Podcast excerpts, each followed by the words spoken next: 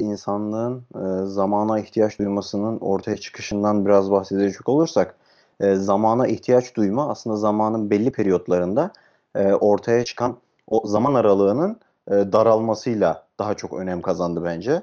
E, çünkü önceden dediğin gibi e, bir güneşin sadece bir tahta etrafında yaptığı şekillerin e, bir önemi varken onların belli aralıklarla işte e, önceden sabah güneşin doğuşu, işte öğle vakti, akşam vakti diye isimlendirilirken e, şimdi dakikalara e, ve şu anda günümüzde e, bilgisayarların ve dijital platformların ortaya çıkmasıyla milisaniyelere, mikrosaniyelere kadar e, azalan bir zaman aralıklarından bahsedeceğiz. E, geçmişte demek ki e, zamanın değeri aslında şimdiye göre daha azmış. Çünkü e, daha uzun zaman aralıklarını e, kabul ederek e, o günkü aralıkta işte e, öğleden önce, öğleden sonra ya ayırarak çok rahat bir şekilde ifade edebiliyormuşuz. Ama şimdi öyle bir teknolojik ve ihtiyaç bulunan zaman e, önem kazandı ki e, işte milisaniyeler ve mikrosaniyeler bile artık e, bizim için çok önemli olmaya başladı. İşte günümüzü e, normal bu kapitalist dünyada e, 8 saatini Türkiye'de e, çalışmaya veriyoruz. E, haricinde geri kalan kısımlarda işte arada bir saat molamız oluyor.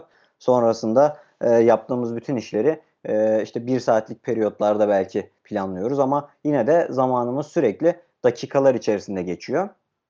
Zaten bugünkü e, üniversite sınavında da gördüğümüz gibi gençlerimiz daha e, yeni e, ergenliklerinin e, içerisinde baktığımızda e, dakikalarla yarışıp e, hayata başlarken bile e, zamanın o e, dakika e, ve saat e, aralığında e, ne kadar önemli olduğunu fark ettiler ve o zamanları belki de hayatlarının geri kalan döneminde onlar için nasıl bir etki yaratacağına karar verdi. E, bu da bizim zamana niye ihtiyaç duyduğumuzu aslında biraz daha aklımıza getiriyor. Çünkü zaman bizim en büyük ölçüm aracımız oldu. Belki birilerini karşılaştırırken, belki yapacağımız işi kıyaslarken aslında birbirimiz arasında bir ayrım yaratmasına sebep oldu. E, bu zamanın e, bence en önemli özelliklerinden bir tanesi. E, iki kişiyi e, birbirinden ayırırken e, kimin daha iyi, daha hızlı bir iş yaptığına bağlı olarak ayırabildik. Aynı zamanda da yaptığımız işlerin yine belli periyotlarda gerçekleşmesi bizim o işleri daha hızlı ve daha erişilebilir kıldı. Bu da insanoğlunun gelişmesine daha rahat bir şekilde yeni icatlar, yeni keşifler yapmasına e, olanak tanıdı. E, baktığımızda dünyanın zaten e, son e, 20 yıllık gelişimi belki de e, ondan önceki yani işte 2000 yıl 2020 yılından 2000 yılından 2020 yılına gelen süreçteki gelişim e, belki de 1900'lü yıllardan 2000 yıllara kadar gelen gelişimden e, daha fazla. E, bunun en büyük etkisi de o zamanı kullanabilme ve zamanın e, gerekliliklerini yerine getirme olarak olduğunu düşünüyorum. Peki bu noktada şöyle bir yaklaşım içerisine girelim. Yani biraz da tarihsel olarak döngüyü ileriye aldık ama e, biraz da e, bu söylediğin döneme gelirken aşama aşama gidelim.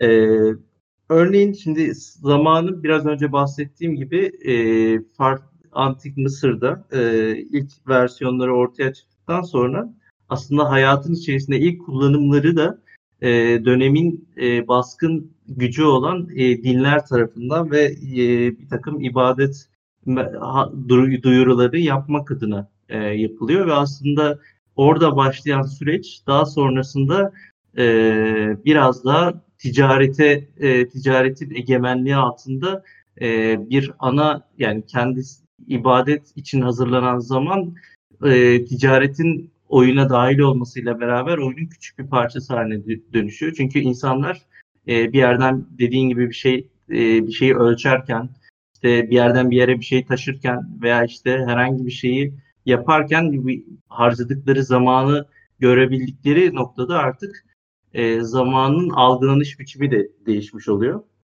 Ve biraz da yani aradaki tarihsel dönemi atlayıp biraz da mesela senin dediğin günümüze gelmeden önceki dönem.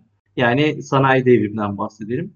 Şimdi sanayi devrimi insanlık tarihindeki en ciddi zaman e, sınıflandırılmasını, zaman anlayışına etkileyen, etkileyişini e, etkileyen bir faktör ve bu e, sanayi devrimi dediğimiz olay aslında e, dünyadaki e, bugün hala geçerli olan e, zaman akışımızı belirliyor.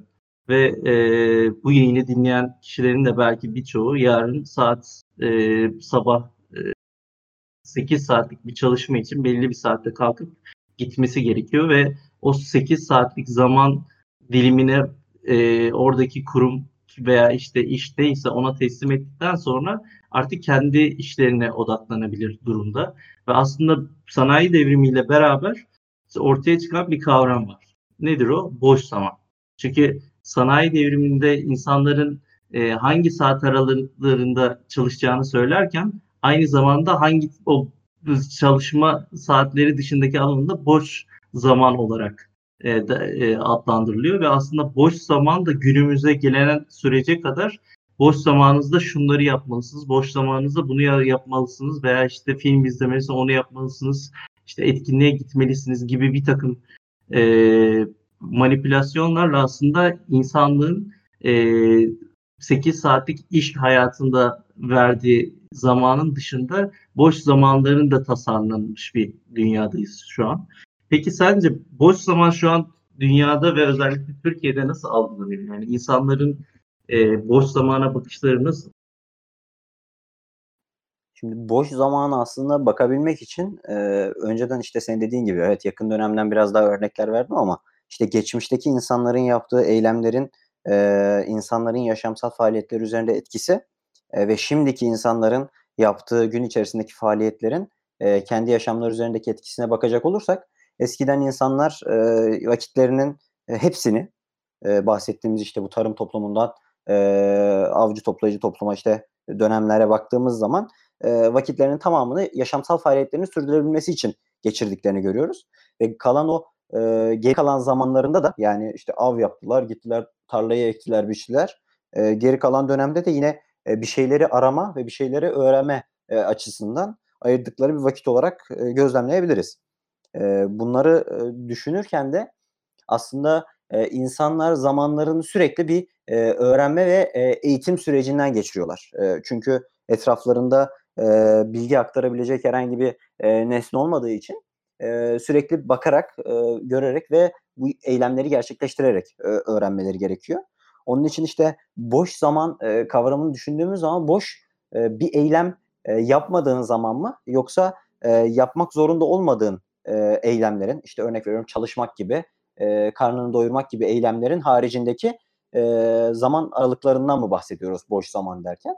Bunu çok iyi tanımlamak lazım. E, bu çok kişiden kişiye göre değişebilir. İşte e, birisi birisi için boş zamanını e, işte yattığı zaman olarak görebilir. Bazısı için de e, normalde sadece e, bir şeyler üretmek yerine e, bir şeyler tüketmenin e, boş zamanını değerlendirmek olarak gördüğü söylenir. Ama e, zamanı anlamak ve zamana e, bir isim takmak e, gibi gözüküyor aslında boş zaman. Çünkü kişiden kişiye e, göre değişen bir eylemin geneline e, yaymak çok da doğru olmaz. E, baktığımızda e, biz öğrenmenin ve e, bilgiyi aktarmanın e, uzun zamanlara yayıldığını gördük. Çünkü işte o bilgi aktarım sürecindeki yavaşlığın e, ve ilkelliğin e, zamanımızı aslında ne kadar etkilediğinin farkına vardık. Niye? İşte o tarım toplumundan milattan önce işte 10 binli yıllardan e, işte milattan önce 3000'li, 4500'lü yani 3000 4000'li yıllara baktığımız baktığımız zaman işte o antik Mısır'dan önceki dönemlerde e, biz zamana demek ki çok da ihtiyaç duymamışız. İşte eğer e, güneş e, saatini o zaman buldular. E, çünkü niye? Biz o zaman sadece e, aydınlık ve karanlık olarak dünyayı ikiye bölmüşüz. E, bu da bize e, yeterli olmuş. Geri kalan zamanları bir şekilde kullanmışız.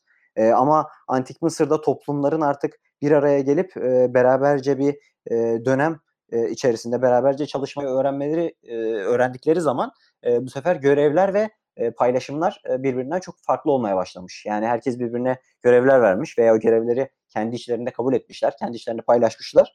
Bu görevleri yaparken e, belli zaman aralıklarında e, kendilerine e, işler tayin etmişler.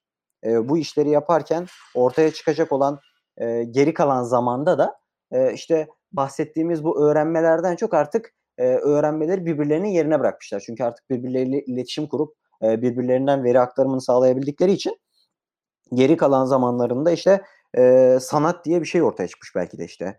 E, belki de o zaman işte e, boş zamanları dediğimiz şeylerde şimdinin e, güzel eserleri e, şimdinin e, çok önem verdiğimiz, değer verdiğimiz şeyleri ortaya çıkmış.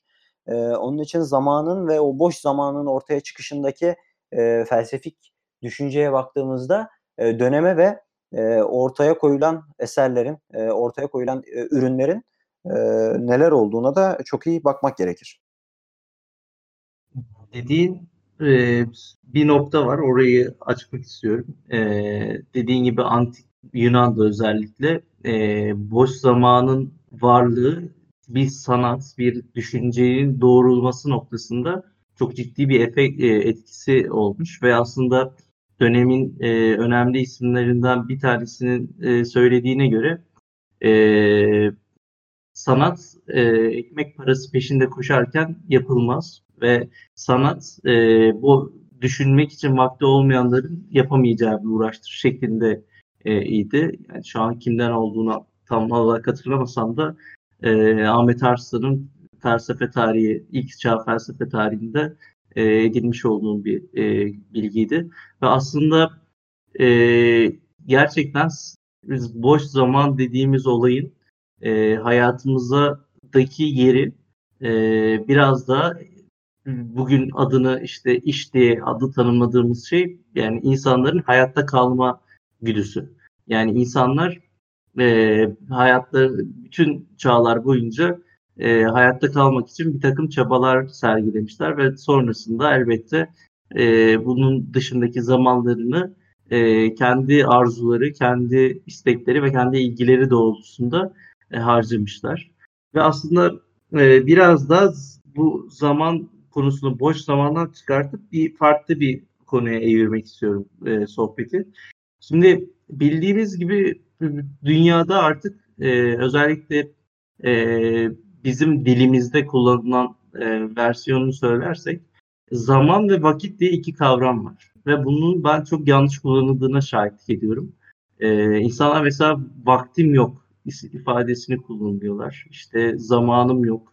E, daha doğru bir ifadeken. Çünkü vakit mesela dinlenme vakti vardır, uyku vakti vardır. Mesela bu belirli bir saat aralığı değildir.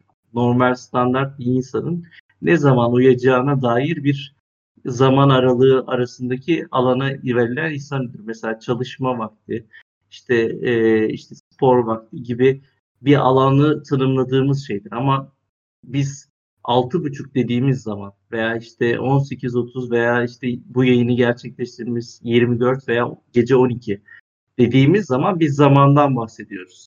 Ama o vakit ayrımını e, yapamayan insanlık genelde e, bu kavramlar arasındaki e, karmaşadan ötürü yanlış bir ifade kullanılıyor. Sence e, zaman ve vakitin bu karışık kullanımını sebep olan şey nedir? E, vakit nakittir e, derler ama aslında buradaki önemli olan o vakti iyi değerlendirmek. Yani vakit zaman içerisindeki aralıkların tam olarak e, yerini bulmuş halidir aslında. Yani bizim işte iş vaktimiz senin dediğin gibi, uyku vaktimiz e, zaman içerisindeki o periyodun e, hep aynı e, dönemde denk gelmesidir. İşte uyku vakti gecenin havanın kararması ve günün aydınması, aydınlık olması arasındaki geçen bir e, aralıktaki e, bir dönemi belli eder. Yani e, biz işte 12'de yatarız, e, 8'de kalkarız. Bu bizim e, uyku vaktimiz olur. O da zamanın içerisindeki e, bir dönemdir. E, niye insanlar bunu karıştırır bilemiyorum. Yani insanların bunu karıştırması ve karıştırdığını söylemen bana biraz garip geldi gerçekten. Şu açıdan karıştırıyorlar. Şimdi vakit bir aralığı belirtirken yani bir net bir şey değil. Bir e, aşağı yukarı bir tanım yani. insanlar işte e, günün sonunda e, ki evrede e, bir belli bir saat olmaksızın o aralıkta uyuma zamanı şey uyuma vakti olarak e, belirliyorlar. Ama zaman spesifik olarak belirtilen bir kavram. Yani e, 24 saatten bahsediyoruz. Aslında 24 saat içerisindeki e, örnek veriyorum 8'er saatlik partlara biz vakit diyebilirken işte buradaki saat 5'i, saat 24'ü, saat 12'yi e, zaman olarak adlandırıyoruz. Aslında buradaki ben karışıklığın sebebini şu şekilde değerlendiriyorum. Çünkü e, insanlar genelde özellikle e, Türkiye gibi verimlilik ve zaman kullanımı noktasında e, biraz daha e, farkındalık sahibi olmamış ülkelerde insanlar vakit e, zamanlarını e, vakitler hal vakitler halinde bölemiyor. Yani şöyle söyleyeyim. Hani çalışma saat vakti var ve işte bu çalışma vakti e, saat 9'dan 6'ya kadar. Şimdi ondan sonraki evredeki şeylerde işte şu vakit aralığını ben işte şey yapıyorum. İşte e, nedir bunun adı? Spor vakti. Bunun şeyi şey vakti şeklinde partlara bölmek aslında e, çok daha e, bir sistematik bir hale sokar. Çünkü siz bunları vakitlere böldüğünüz zaman şu vakti bu vakti derseniz e, bunları kendi iş kendi hayat yönetiminizde de e, bir iş gibi yani bir sistematik bir şekilde yönetirsiniz. Ama sallıyorum 18'den 20'ye ben diyorum ki spor yapacağım. Ama işte başka bir işim çıktı o zaman aralığı kaydı. Ben spor yapamayacak mıyım? Hayır. Spor vakti ayrı bir şey. Ben spor yapabilirim. Spor vakti e, ayrı bir şeyken işte zaman dediğim şeyi biz sınıflandırdığımız için yani e, zaman aralıklarına böldüğümüz için bu şekilde ona her zaman bağlı kalmayız. Yani her gece hepimiz uyuyoruz. Bunu mesela bugün biraz daha geç olacak bazılarımız için. Ama e, biz uyku vakti diye bir şey biz olduğu için e, bu e, noktada herhangi bir e, sorun yaşamıyoruz. O açıdan zaman ve vakit ayrımında böyle bir şey var. Vakit bir ritüel içerir mi demiş Ümran. Yani vakit e, dayatmayla bir ritüel içerir Ümran'cığım. Yani insanlar vakitlerini e, birileri işte şu vakit, bu vakit diyerek e, yani örnek veriyorum tüm insanın şu an bulunduğu e, gibi bir çalışma hayatının verdiği bir vakit var. Çalışma vakti. Onun dışındaki her şey aslında e, biraz da e, kişilerin kendisine bağlı. Tabii ki bu bir ritüele dönüşebilir kişiler için. Yani şu vakit bu vakit diyerek. Ama işte zaman noktasında onu spesifik olarak bağlı kalmak her zaman mümkün olmayabilir. Ama örnek veriyorum İngilizce çalışma vakti derseniz siz günün onu herhangi bir noktasına sıkıştırabilirsiniz. Bir, bir başka konu aslında ben zamanın e, insanlık için öneminden bahsetmek istiyorum. Yani günümüz insan için.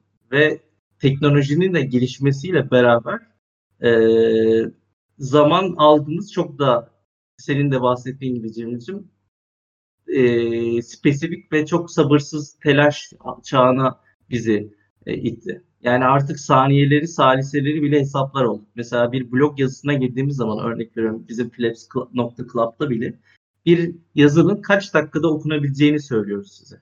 Veya işte bir YouTube videosuna girdiğimiz zaman 5 dakika, 10 dakika e, gibisinden e, bir aradığı gördüğümüz zaman ona göre karar veriyoruz. Sence ve az, aslında e, spesifik olarak sana da sormak istediğim bir konu bir şeyi deneyimlediğin vakit yani bir zaman dilimini düşünelim. Yani o 3 dakika 5 dakika. Ee, insanlar neden artık çok daha sabırsız bir hale geldi? Neden artık 5 dakikalarını veya 10 dakikalarını bir yazıya ayıramayacak veya bir e, YouTube videosunda aradıkları şey küçük bir şeyse 10 dakikada bunu izlemek ve daha iyi kapsamlı anlamak yerine sadece istediği bölüme yoğunlaşmak istiyor. Ee, ben buna kısaca tüketme çılgınlığı diyorum. E, dünyada veri o kadar arttı ki e, insanlar bu veriler içerisinde artık e, istediğini de istemediğine de maruz kalıyor. E, ve bu veriyi tüketenler e, daha çok tüketme imkanı bulmak için artık bir şeyleri acele etmeye çalışıyorlar. Yani zamanlarının e, bittiğini düşünüyorlar. E, onun için bir şeyleri tüketme çılgınlığı içerisine girenler e, otomatikmen e, vakit bulamamaya başlıyorlar. Çünkü onu da tüketeyim, bunu da tüketeyim, şunu da tüketeyim derken e, o e, veriler içerisinde kayboluyorlar bence. E, ben şöyle düşünüyorum. E, mesela bunları yapmak yerine işte e, ben işte örnek veriyorum YouTube'da bir, bir şey izleyeceksem veya bir podcast dinleyeceksem onu örneğin e, 2x dinliyorum. İşte ne kadar hızlı dinleyebiliyorsam o kadar dinliyorum. Bunun sebebi işte e, o bilgi için dinliyorsam tabii bu. Yani eğlence ve e, sanatsal bir faaliyet için yapıyorsan e, sana sunulan içerik türü nasılsa e, o öyle tüketilmeli. Ama bunu bir bilgili e, tüketme biçimi olarak düşünürsek e, hızlı tüketebilmeyi tercih ediyorum. Ama bunun sebebi de işte o e, kocaman e, bilgi bulutları içerisinde e, doğru bilgiye ulaşabilme hızımızın azalmasından kaynaklanıyor. Yani e, ben, benim tükettiğim bilginin e, ortaya çıkmaz şeyi doğru olma ihtimali az olduğu için o zaman diyorum ki ben bu bilgiyi hızlı tüketirsem e, ortaya çıkacak olan yanlış bilgilere karşı e, zaman kaybını e, önlemiş olurum. Bu sayede de e, doğru bir şekilde o gerekli olan e, müsait olduğum zamanı e, iyi kullanmış, verimli kullanmış olurum. Ama bu e, bir taraftan böyleyken diğer taraftan da e, insanların o e, en başta dediğim e, tüketme çılgınlığı diye bir şey var. Yani insanlar artık bir şeyleri sürekli tüketiyor. Yani bitiriyor. E, benim bahsettiğim bu değil tamamen. E, yani bir şey, e, bir video çıkıyor, onu izleyeyim, şunu izleyeyim, bunu izleyeyim e, diye sürekli e, daldan dala atlayarak e, bir şeyleri tüketmeye başlıyor. E, bunun en büyük sebebi de işte bu çok ince bir çizgi aslında. Yani e, sağında olanlar ve solunda olanlara bakarsan o çizginin, altında olanlara, üstünde olanlara bakarsan e, eğer tüketme biçimi e, üretmeye yönelik yani bir bilgi çıkartıp da ondan bir fikir çıkartmaya yönelik değilse e, çok da sağlıklı olmuyor. Çünkü e, bu sefer tükete tükete e, karşısında önemli olan şeylerin aslında biraz farkına varamıyor. Çünkü bazı şeyler e, gerçekten e, gerektiği zamanı harcaman gerek gerekir ki e, onu öğrenebilesin. E, öyle şeylerde sen ne kadar acele edersen et, e, eğer ona doğru zamanı ayırmazsan, doğru vakti ayırmazsan o bilgi hakkında e, verimi ve e, doğruluğu e, kesin olmayan şeylerle karşılaşabilirsin diyebilirim. Şimdi peki şöyle bir durum var. Aslında e, dediğinin yanı sıra şimdi zamanın dediğin gibi e, harcanma noktasında doğru kaynak olup olmadığı ve buna ödenecek bedel noktasında tercihlerimizi şekillendirdiğini söylüyorsun. Kesinlikle katılıyorum. Yani internette binlerce e, bir konuda e, içerik bulunurken sen onun istediğin parçasını bulurken e, doğru parçayı bulabilmek adına e, bir takım denemeler sonucunda aslında şey yapıyorsun ve bunun olabildiğince az e, zamanla bedel olmasını istiyorsun. Aslında bu zamanın kullanımı noktasında e, geçtiğimiz senelerde okuduğum bir kitap var. E, Mehmet Doğan'ın e, Pürüzlü Mükemmellik e, kitabı ve orada friksiyon kavramından bahsediyor. Şimdi friksiyon aslında bir şeyi zorlaştırma, bir şeye bir engel koyma diye tanımlayabileceğimiz bir kavram. Yani şöyle düşünün. Ee, kitapta geçen örneklerden bir tanesi. İnsanlar bir havalimanında iniyorlar. Bir, or, orada bir havalimanı ismi veriyor. Örnek veriyorum. Avusturya Havalimanı olsun. Avusturya Havalimanı'nda indikleri zaman havalimanı e, da hatta daha güncel örnek İstanbul Havalimanı. İnsanlar bu yeni havalimanında çok fazla yürüdüklerini, çok fazla e, za- zamanlarını havalimanında bagaj teslim kısmında aldıklarını söylüyorlar. Aynısını işte Avusturya e, havalimanında olmuş ve insanlar çok fazla yürüyorlar. Yani bir şey yerden e, pardon yürümüyorlarmış. Ta, tam tersine e, çok az e, bir mesafede şeye geliyorlarmış bagaj kısmına ve bagaj kısmına geldikleri zaman e, çok uzun süreler boyunca bagajların e, uçaktan indirilip kendilerine servis edilmesi gerekiyormuş. Şimdi bu süre boyunca insanlar durup e, herhangi bir işlem e, yapılmaksızın orada bekledikleri için bu onlara bir e, ızdırap gibi gelirken e, bunu gören ve bunu kolay kolay çözemeyecek olan yetkililer e, havalimanının içerisinde bir friksiyon yaratmışlar. Yani indikleri zaman yolcular onlara çok daha uzun bir rotada yürüme mesafesini çizmişler ve insanlar oradan inip o mesafeyi yürüdükleri zaman zaten bagaj teslim görevlileri artık o bagajları teslim etmişler ve insanlar çok daha az şikayet etmişler. Niye? Çünkü ben geldim zaten bagajlarım hazır. diyebilmiş derken diğer bir yandan e, durumda ge- geldim saatlerce bekledim bagajımı aldım. Yani insanlar zamanını kullanırken bir bedel, bir anlam arıyorlar. Yani ben bunu niye ödüyorum? Bunun için ne bedeller ödüyorum? Yani mesela bu örnekte verdi, verilen bu örnekte zamanı e, kişilerin algısını şekillendirmek için kullanılmış. Mesela diğer bir örnek, e, örnek veriyorum daha böyle e, fast food e, restoranına gittiğiniz zaman bir şeyin hızlı gelmesini istersiniz. Zaten onlar e, hızlı yiyebilmeniz ve zamanınız doğrultusunda e, kısıtlı olduğu anlarda tercih edilen yiyecekler olduğu için e, gidiyorsunuz hemen almak istiyorsunuz.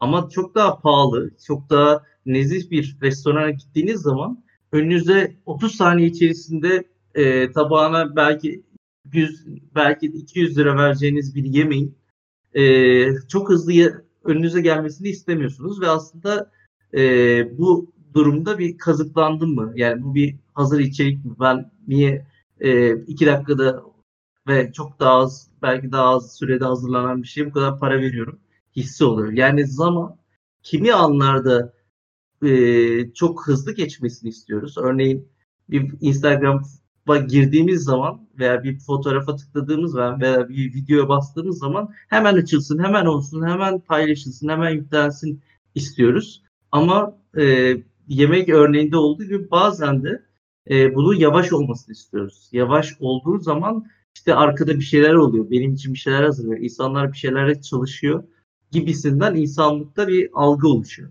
İşte bu zamanın e, kullanım şeklini farklı şekillerde tasarlayabilmeye işte friksiyon ismini veriyorlar. Yani sadece zamanın değil tabii ki her konuda bunu yapabilirler. İşte o açıdan e, sadece zamanın bu kullanım şekilleri e, günümüzde başka hangi alanlarda mevcut ve insanlık için bu zamanı e, hızlı ve yavaş tercih etmenin sebepleri neler olabilir başka?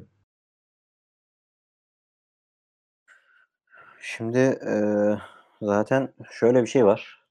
Bu dünyada aslında e, hele de işte 21. yüzyılda insanlar bence birbirlerinin zamanlarını satın alıyorlar. Senin de dediğin gibi. Yani zaman bazen işte dediğimiz gibi bir satın alma satın aldığımız bir ürünün karşılığıyken yani bir şeye emek gösterilmesini istediğimiz için ona o parayı veriyoruz ve e, o zamanı tanıyoruz ona. İşte senin örnek verdiğin o lüks restoranda yemeğin hızlı gelmemesini istemememizin sebebi o. E, çünkü biz ona bir bedel ödüyoruz e, ve o bedelin o zaman içerisinde daha iyi olabileceğini ümit ediyoruz. Ama bu bence e, kişiden kişiye ve e, insanlar arasında değişiklik gösterebilecek bir durum. E, çoğu kişi de e, o yemeğin e, hem kaliteli hem de hızlı bir şekilde önüne gelmesini ister e, ve daha yüksek bedeller belki öder. E, örnek olarak e, düşündüğümde e, aklıma çok da bir şey gelmiyor aslında. Yani e, zamanın sadece e, en başlarda dediğimiz gibi e, kişiden kişiye öneminin ve değerinin e, farklı olabileceği e, ve bu da zaten bizim e, bu dünya içerisinde e, kendi değerimizi de aslında ortaya koyuyor. Çünkü e, hepimizin işte e, ortaya koyduğu değerlerin e, zamana bağlı olarak e, oluşmuş bir fonksiyonunun bize belki bir maaş, belki bir verdiğimiz hizmet karşılığındaki bir ücret olarak ödenmesini e, görüyoruz. E, bu da bize e, zamanın insanın e, değerini büyük bir e, doğrudan bir etkisi olduğunu gösteriyor zaten. belki artık e, biraz daha fikri harekeli kısmına gelmenin e, zamanı geldiği düşüncesindeyim. Çünkü zamana dair verdiğimiz örneklerden sonra artık bir zaman e, anlayışı kafamızda oluştu. Ve aslında e, gerçekten zaten bu podcast'i de e, hazırlarken ki fikrimizce e, kendi düşüncelerimizi, kendi uyguladığımız alanlara dair ki e, tabuları kırmak adına e, bir girizgah yapayım. Şimdi bildiğin gibi e, ben yaklaşık bir, bir senedir e, farklı bir zaman dilimi kullanıyorum kendi hayatımda. Şimdi bu zaman dilimi nasıl oluyor? Şimdi arkadaşlar şöyle düşünün.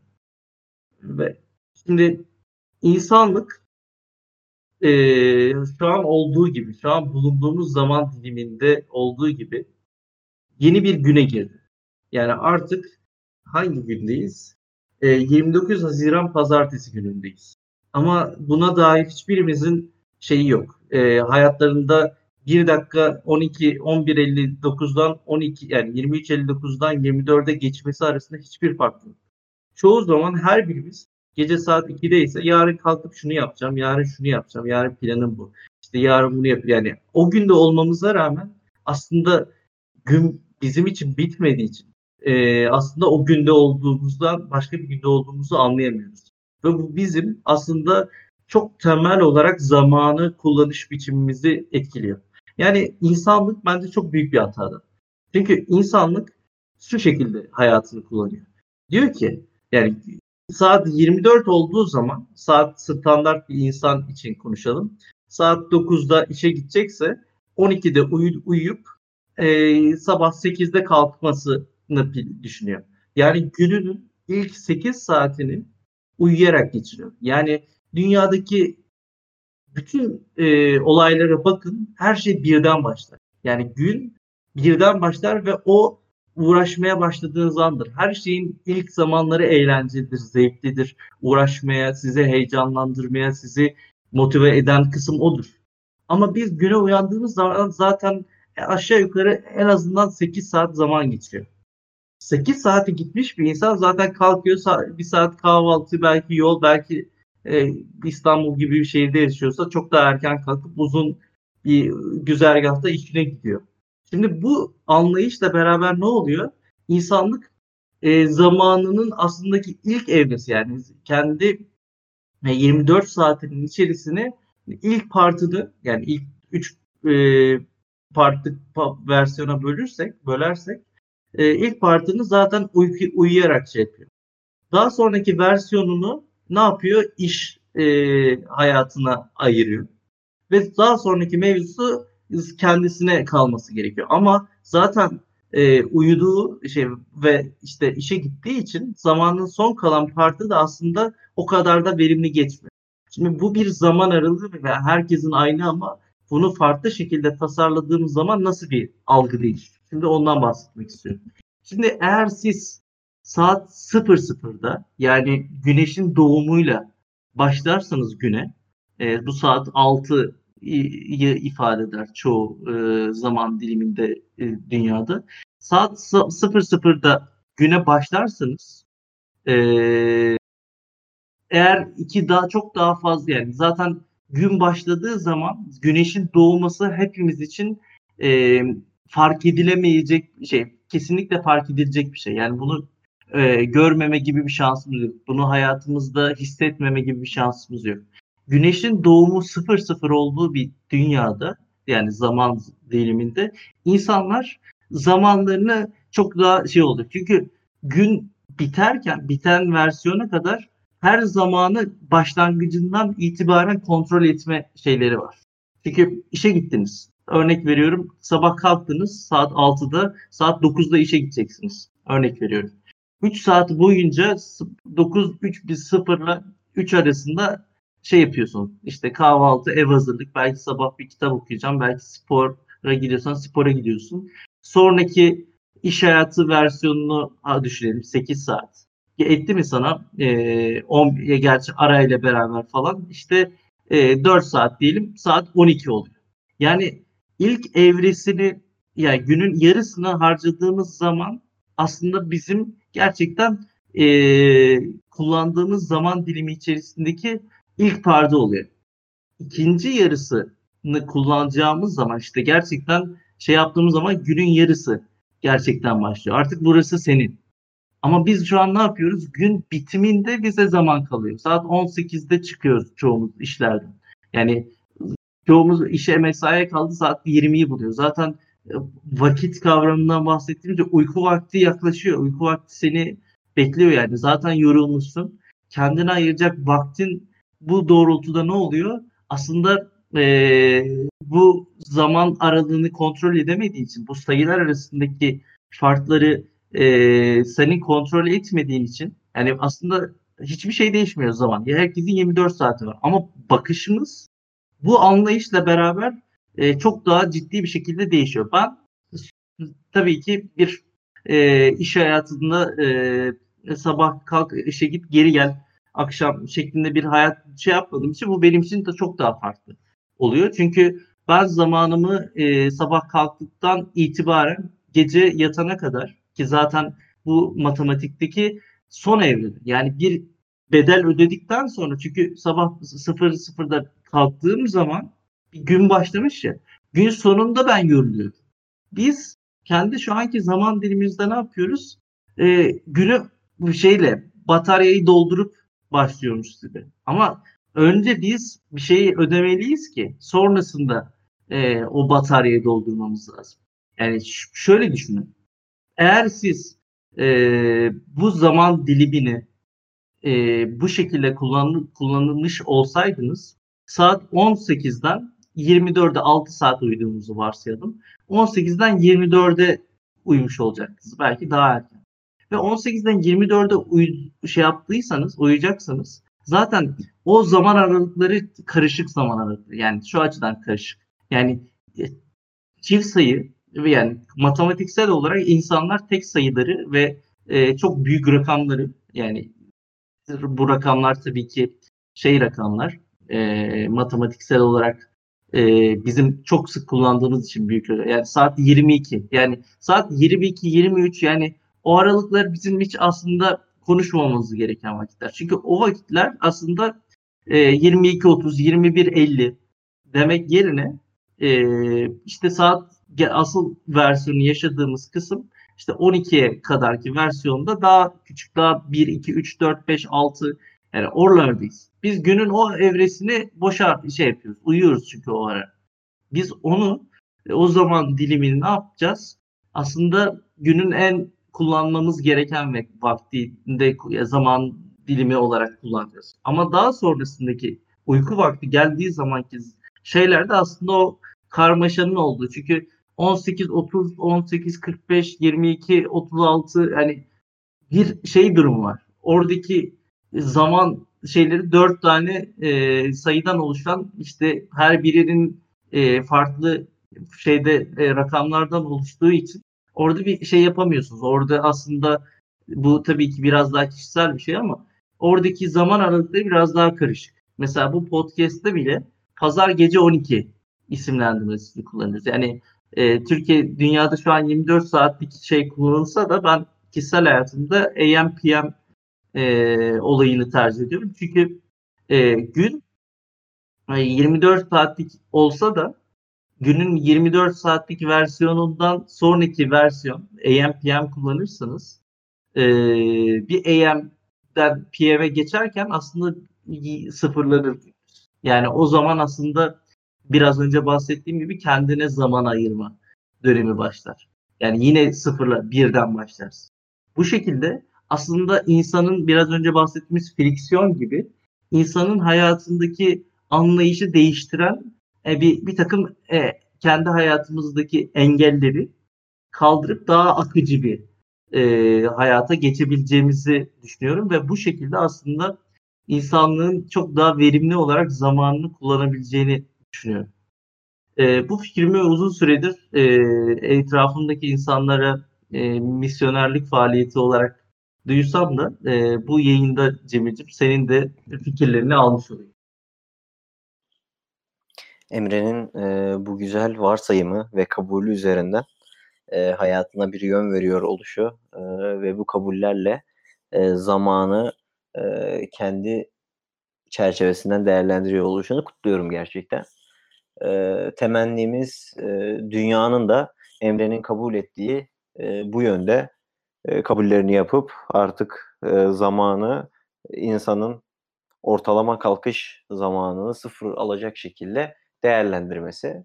Ama ben biraz daha e, gerçekçi bakacak olursam zamanı daha verimli kullanmanın sadece saat dilimini değiştirerek olmayacağını daha farklı yöntemlerle belki o zamanı bükmenin belki bir küçük izafi bir yöntemle veya yöntemlerle e, daha verimli ve e, daha anlaşılabilir bir hale getirilebileceğini düşünüyorum. E, bunlardan biri bir kere o yolda geçirdiğimiz zamanı değerlendirmek ve onu kısaltabilmek. Yapamıyorsak da belki de o zamanı daha da arttırarak yapılan eylemleri e, değiştirmekte olabileceğine inanıyorum.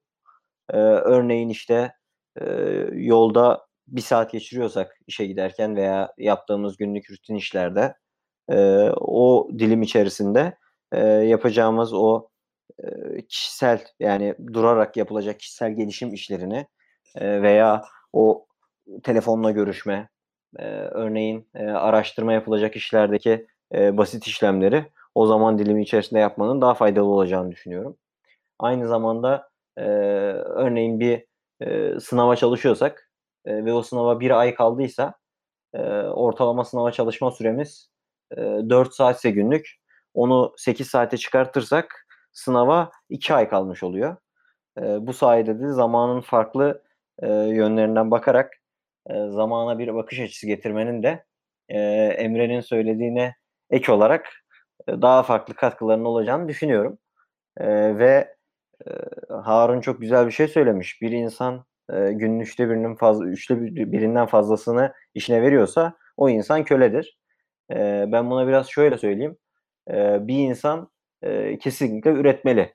Yani tüketerek bir yerlere varılmayacağını, üretmenin insanın bence en önemli ihtiyaçlarından biri olduğunu ve bu dönemde de üretenin sayısının az, tüketenin ise bu sayının çok fazla katı olduğunu düşünüyorum. E, biz de üretenler arasında olmanın ve üretmenin hazına erişmenin güzel bir şey olabileceğini aktarmaya ve sizleri de üretmeye davet etmek isterim nacizane tavsiyem olarak. Bu üretme iş, eylemini yaparken bir düşünürün de söylediği gibi eğer sevdiğiniz işi yapıyorsanız e, aslında hiç çalışmamışsınızdır demektir diyebilirim. E, çünkü başlangıçta kendimizi tanımalı, yaptığımız eylemleri ortaya koyarken e, kendimizi çok iyi tanımalıyız ki ileride yapacağımız veya yapmaya karar vereceğimiz şeylerde o yönde gelişmeler gösterip e, kendimize faydalı olabilecek veya etrafımıza veya amacımız neyse her neyse e, o uğurda bir şeyler yapabilmek adına sevmenin ve e, yaptığımız işe verilen değerin e, katkısı bence çok da büyüktür. Onun için e, zamanı anlamanın ve zamanı bükmenin en önemli yollarından bir tanesi e, yapılan ve düşünülen işlerde ortaya koyduğumuz değeri e, isteğimiz ve e, arzumuz doğrultusunda değerlendirerek ortaya koyduğumuz e, ürünleri de bu yönde geliştirerek e, tüketmeden üretmeye bir adım atarak e, daha değerli ve daha anlaşılabilir insanın varoluşundaki bence en önemli şeylerden bir tanesini yaparak da e, ortaya koymuş ve zamanı değerli kılmış oluruz diye düşünüyorum. Şimdi yani dediğin noktada tabii ki yani ben bunu kendi hayatımda uyguluyor olsam da e, bunu toplumsal düzeyde uygulamak ve bunu dünya zaman dilimi arasında şey yapmak bir e, yani tek biraz daha argo tabirle yürek ister. Yani çünkü dünyada bu, bunun farklı örnekleri olmuş. Yani bazı e, diktatör liderler kendi zaman dilimime geçeceğim diyerek örneğin Kuzey Kore'de Kim Jong-un e, 30 dakika civarında falan zaman, kendi zamanlarını geriye aldıklarını dünya saatine uymaması gerektiğine dair şeyler var ama tabii ki benim dediğim hayatı anlayış ve hayattaki bazı keşfettiğimiz e, ve deneyimlediğimiz şeylerin sonuçlarına göre bir yeniden bir tasarım yapmak. Çünkü zaman bizim hayatımızdaki en değerli şey. Kesinlikle bundan çok daha değerli bir şeyimiz yok ve geri konulamayan tek şey olması bunu asıl önemli özel kılan şeyi geri konulmuş olması değil. Bizim e, hayatlarımızdaki her şeyin bu e, düzlemde olması. Yani biz gerçekten bir insan öldüğü zaman aslında onun zamanının durduğunu ilk söylemiş oluyoruz. Yani e, bu noktada şöyle düşünebilirsiniz. Eğer biz e, genelde şu açıdan yaklaşalım. Genç birisi öldüğü zaman ona çok gerçekten üzülüyoruz. Aa nasıl ölür falan. İşte geçtiğimiz yıllarda e, bir tane basketbolcu ölmüştü. E, ve insanlar gerçekten çok perişan hale geldi. Yani yaptıklarından şey yaptıklarından değil. Yani biraz daha genç öldüğü için. Çünkü daha yaşanmamış bir hayat görüyorlardı. Daha böyle yapılacak işler, yapılacak hayaller, fikirler, e, maceralar görüyorlardı. Fakat o zamanının dolması demek işte bir helikopter kazasında kızıyla beraber ölmüştü. Ve çok ciddi şekilde insanlara travma yarattığını görüyoruz. Ama e, yaşlı bir insanın öldüğü zaman hiç kimsenin aslında o kadar da umurunda değil. Yani yaşamış diyorsunuz hayat. Yani işte bu yaşama zamanını harcama noktasında ve işte zaman dünyada bulunduğumuz zamanı anlama noktasında bir yeniden bir düşünce geliştirmemiz kanısındayım. Çünkü e, bir kişi 80 yaşında olmuş olsa da 40 yaşındaki bir kişi, diğer bir kişi 80 yaşındaki kişiden çok daha fazla deneyim elde etmiş olabilir. Yani zamanını verimli kullanıp e, kendi hayalleri, fikirleri doğrultusunda e, ilerlemiş olabilir. Yani o 80 yılın aslında yaşamış olmak ne kadar içerisi dolu. Bence buna bir bakmak lazım ve e, biraz da işi şey noktasına getirmek istiyorum. Yani insanlar genelde gençken e, zamanlarını bonkörce harcarlar ve yaşlıyken zamanın aslında kıymeti bilir. E, bu diğer bağlamla bunu bir arada cevaplamanı istiyorum Cemil'ciğim. Çünkü örnek veriyorum e, internetten izleyeceğimiz kaçak bir film için veya işte bir futbol maçının şeyi için insanlar link arıyorlar. İşte şey yapın, oradan link atın, torrentten indireyim, onu yapayım gibisinden saçma sapan uğraşlara girip ne yapıyorlar? E, zamanın çokluğundan, paranın yokluğundan e, bir uğraş içerisine giriyorlar ve saatler sonra belki karşılıksız bir çaba sonunda ona ulaşamayabiliyorlar. Ama daha yaşlı insanlar ne yapıyorlar? Ki zaten e, maddi durum da e, zaman içerisinde e, daha da geliştiği için ne yapıyorlar? Vereyim 3 kuruş parasını zamanım gitmesin diyerek işte e, bir takım servislere abone oluyorlar. Bir takım e, abonelikler satın alıyorlar. Şimdi bu ayrımda aslında gençlerin ve yaşlıların zaman kullanımı ve gençlerin öldükleri zaman işte üzülüp yaşlıların öldükleri zaman üzülün yani çok da umursanmamasının e, sahnedeki karşılığı nasıl? Sen nasıl görüyorsun bu zaman kullanımını? Şöyle işte o bahsettiğin e, gençlerin e, o karşı probleme karşı ürettikleri çözüm işte onların tecrübesizliğinden ve ortaya çıkan e, bilgisizlik olmasa da işte o e, yaşanmışlığın yaşanan sürenin az olmasından kaynaklanıyor. E, baktığımızda insan ömrünün işte ortalama 70-80 yıl olduğu bu dönemlerde e, insanın e, genç yetişkin olmaya kadar geçen süresi e, 30 yıllık bir süreyken e, yaşlılığa kadar giden süreç 30 yıldan 80 yıla 50 yıllık bir zaman dilimi. Dediğin gibi kesinlikle e, yaşlılık zamanında ortaya çıkan zaman bolluğu da e, zaten kendini belli ediyor. E, bizim dünyamızda zaten o bahsettiğim işte tüketmenin e, ortaya çıkışı e, bizim emeklilik diye bir şey e, var bizim dünyamızda. E, ne yapıyoruz? İşte biz gençken çalışıyoruz, çalışıyoruz, çalışıyoruz.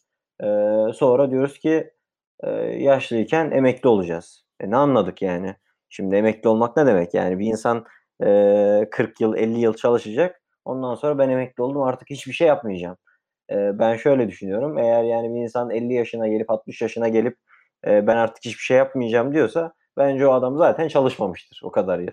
Çünkü e, uzun zamanlarını, uzun vakitlerini çalışarak, e, bilgi edinerek, deneyim edinerek geçiren bir insanın e, belli bir süre sonra sıfırdan hiçbir şey yapmaması bence çok e, makul görülebilir bir eylem değil.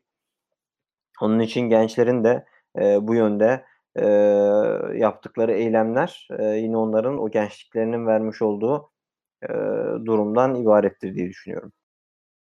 Yani dediğin noktada şunu söyleyebilir miyiz? Yani insanlar e, tabii ki iki çeşit var burada. Yani insanlar geleceğini garanti altına almak için yani bir kaza olur, işte bir şey olur, bir e, sıkıntı çıkar diyerek emeklilik planlarına e, ödemeler yapıyorlar yıllar boyu ve sonrasında ancak işte oraya geldikleri zaman işte yaşamadıkları hayatın e, şeyini e, ya o, o son kalan kısmı ne, ne kadarsa artık onları yaşamaya çalışıyorlar. Yani gençlere ödedikleri bedelin karşılığı da diyebiliriz. Şimdi e, dediğin gibi emeklilik planları zaten ben genelde hayata e, kendi kişisel bakışım da yani insanların garanti almaya çalıştığı her şey e, gün sonunda şöyle bir algı yaratıyor. Siz bir şeyi garantiye almaya çalıştığınız zaman aslında e, o şey sizi düşünce yapınızı etkiliyor. Yani siz e, belli bir yaşı geçtikten sonra bana şu kadar ayda para gelecek, devlet ödeme yapacak. Yani de, derseniz veya işte buna bel bağlarsanız zaten hayatınız boyunca sizi belki birkaç ömür boyunca e, besleyebilecek kadar para zaten kazanamaz. Çünkü siz her zaman e, belli bir yere kadar ben çalışmayı bıraktığım anda sistem bana para vermeyi e, yani benim o düzeyde para almamı şey yapacak diyorsunuz. Yani bir şeylere sahip olup daha sonra o sistemlerin özellikle Kadir Köymen'in bahsettiği pasif gelir gibi modellerle sizin gelecekte de yaptığınız işlerin karşılığı olan şeyleri almanız e, mümkün. Yani ama insanlar bunun yerine daha böyle zaten yaptıkları işler daha sıradan ve katma değerli işler olmadıkları için ne yapıyorlar? Gün sonunda e, o iş bittiği zaman o işten ayrıldıkları gün kimse onlara maaş vermeyi de e, kimse onlara maaş da vermiyor.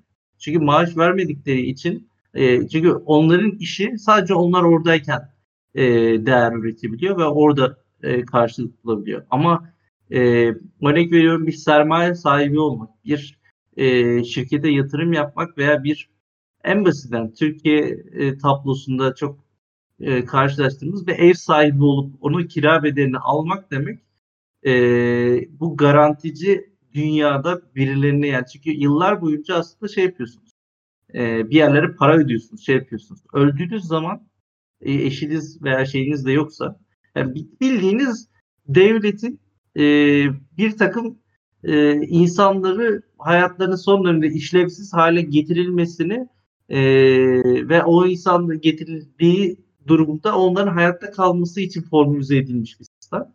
Ve bunu özellikle zaten e, Erhan Erkut yayınımızda Erhan Hoca da çok güzel bir şekilde bahsetmişti. Bu bir aslında sahtekarlık. Yani şu açıdan sahtekarlık.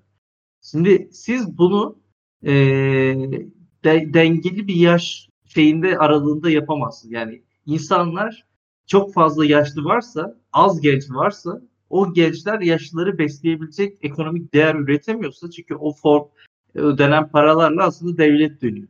Şimdi o paranın yerine konulması için o gençlerin miktarının ve üretilen değerin fazla olması lazım ki o yaşlı güruha e, siz ödeme yapabilirsiniz. Yapabilirsiniz. Ama bunun mümkün olması için e, insanları e, bu sistematik bir şekilde nüfusla popülasyonun kontrolü ve o popülasyonun ürettiği senin de bahsettiğin üretim ile tüketim dengesinin sağlandığı noktada ancak e, emeklilik planları bir e, sürdürülebilir bir yapı oluyor. Ama bunun e, çok dünyada mümkün olduğunu göremiyoruz. Çünkü e, ilk başta da bahsettiğimiz gibi insanlar emekliliği e, bir yere geldikten sonra artık e, ben işimi bıraktım hadi bana para verin ben artık hayatımı yaşayayım boş zamanım olsun bir şeyler uğraşayım şeklinde gören insanlık zaten katma değerli bir şey üretemedikleri için o devlet zaten e, genç popülasyonda yoksa onlara o ödemeyi belki de yapamayacak, yapamıyor.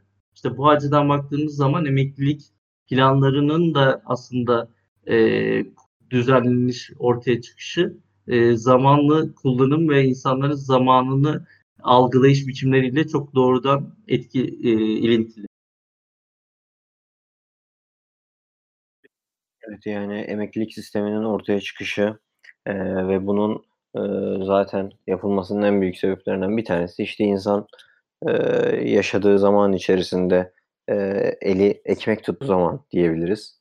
E, ve fiziksel olarak çalışmaya imkan sağladığı dönemlerde harcadığı vaktini e, ileriki zamanda ona e, geri iade edermişçesine verilen e, aslında burada o paraların verildiği andaki o sermayelerin ve e, birikimlerin daha değerli olduğu bir dönemde e, çok da mantıklı değil ama e, gerçekçi olarak baktığımızda ve e, ileride gerçekten çalışamayacak durumda e, olabilme ihtimalini düşündüğümüzde e, kendimize bir sermaye, bir birikim yapmanın da gerekli olduğu düşüncesindeyim. E, bunun da e, bizim dünyadaki varlığımızı devam ettirebilme içgüdüsüyle ortaya çıktığını görüyoruz. E, artık podcast'in sonlarına e, geldiğimiz şu sıralarda bence son değinmemiz gereken bir nokta var. E, o da düşünmeyle zamanın e, birbiriyle olan bağlantısı. E, Milan Kundera'nın Yavaşlık isminde bir romanı var ve orada e, düşünen insan yavaşlar isimli bir e, cümlesi var Kundera'nın. Yani insanlar e, sokakta bir şey geldikleri zaman, aklınıza bir fikir geldiği zaman bir durursun. Hmm, yani ne oluyor? Hmm, o orada oldu, o oldu falan. Bir yavaşlarsınız ve daha böyle e, şey yap, düşünceye odaklanırsınız. Ama günümüz toplumu ve bizler düşünmemek için hayatımızı yaşıyoruz çoğu. İnsanlar hayatın her bir noktasını doldurmaya çalışıyor. Her bir çünkü düşünmek e, yavaşlamaya gerektiriyor. Çünkü biz yavaşlamak hiç hayatımızda olmayan bir şey. İşte işe sabah kalktım, kahvaltı yaptım, otobüse bindim, işe gittim, öğle yemeği oldu, ee, öğle yemeğinden geldim, işten çıktım, hanım aradı, oraya gittik, kızı okuldan aldım, bunu aldım, bunu aldım. E, ya her şey hız ve düşünmemek üzerine.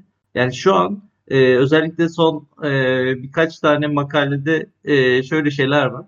E, diyorlar ki insanlar artık bu mobil oyun dünyasının bu kadar gelişmesinin temel sebebi o küçük e, alanlar var ya minimal zaman dilimleri veya örnek veriyorum bir bankada beklediğimiz sıra veya işte bir işe giderkenki aralık veya işte çalışma sırasında kaytardığımız o zaman dilim. O aralarda doldurulacak oralarında çünkü boş dursa kendisiyle baş başa kalan insan bir düşünme e, şeyine girecek ve, ve yavaşlayacak, dinginleşecek. Ama bunu şey yapamıyor çünkü hayat şartları çok hızlı.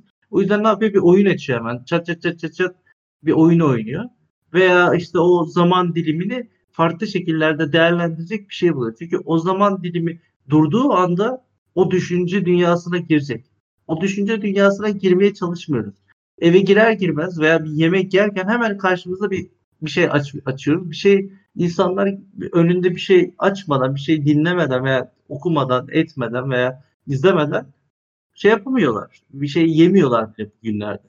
Çünkü bu e, insanların e, zamandaki artık şeyi. Çünkü zaman gidiyor, zamanın bitiyor, zamanın bitti. İşte bak o, yani şöyle bir terim var artık.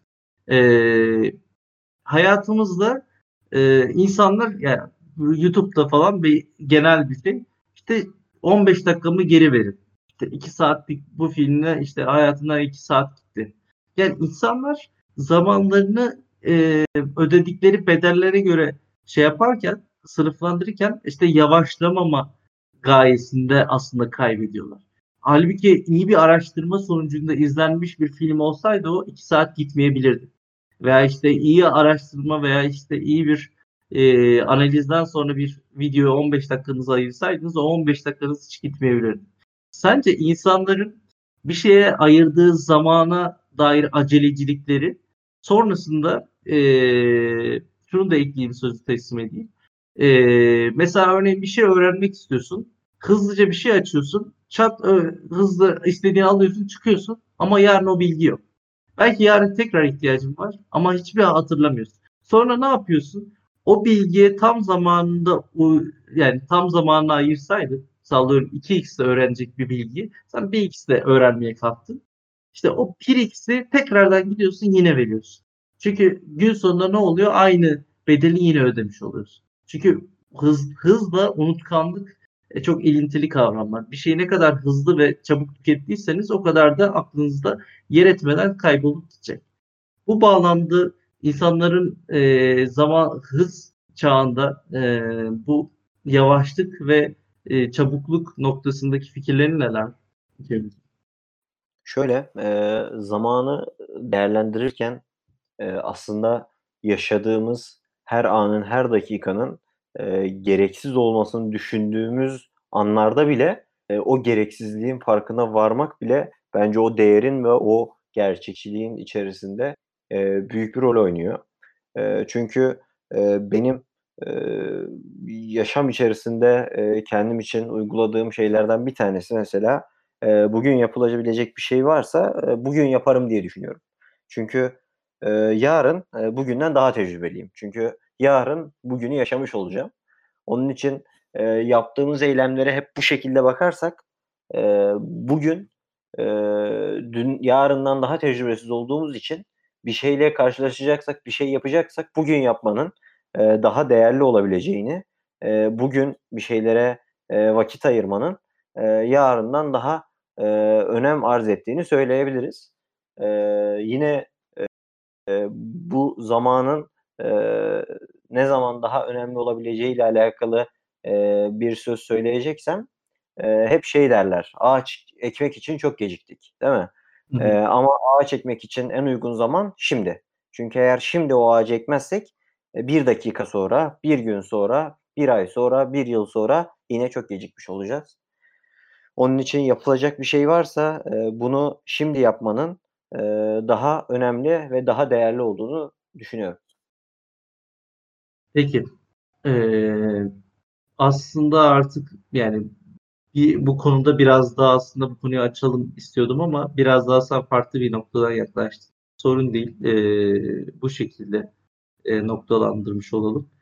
Ee, bir, e, bu yayın noktasında aslında düşlediğimiz şey biraz daha kendi fikirlerimize dair e, bir harakiri. Yani harakiri de bildiğiniz gibi Japon e, milletinin, ulusunun bir e, ritüeli. Nedir harakiri bilmeyenler için? E, bir kılıçla sep, seiku veya sepkeku gibi bir şey tam adını hatırlayamıyorum. Kusura bakmayın. E, kılıçla e, bir bir e, onur mevzusunda ödenmemiş bir e, hak bedel uğrunda kendini şey yapıyorsa insanlar e, değerli görmüyorlarsa e, ödedikleri şey kendilerini bir bıçakla e, kılıçla daha, daha doğrusu e, karınlarını deşerek acılar içerisinde öldürdükleri ölüm bedeli ve aslında bunu fikri düzeyde yapmamız da biraz daha acılar içerisinde bazı fikirlerden arınmak gibisinden e, yaklaşıyoruz. Yani biraz önce bahsederken Cemile fikirleri e, ortaya atarken biraz daha o fikirlerin e, birilerimiz için ölmesini e, adına o fikirleri attık veya şey yaptık. Değerlendirirken bazı şeyleri bazılarımız için de o fikirlerin değişip o fikirleri öldürme, intihar ettirme eğilimi içerisine girebilme güdüsünü ortaya çıkarmak için zaten Fikri Harakiri ismini seçtik. E, bu yayında aslında biraz daha e, kendi üslubumuzca e, farklı noktaları ele aldığımız bir yayın oldu.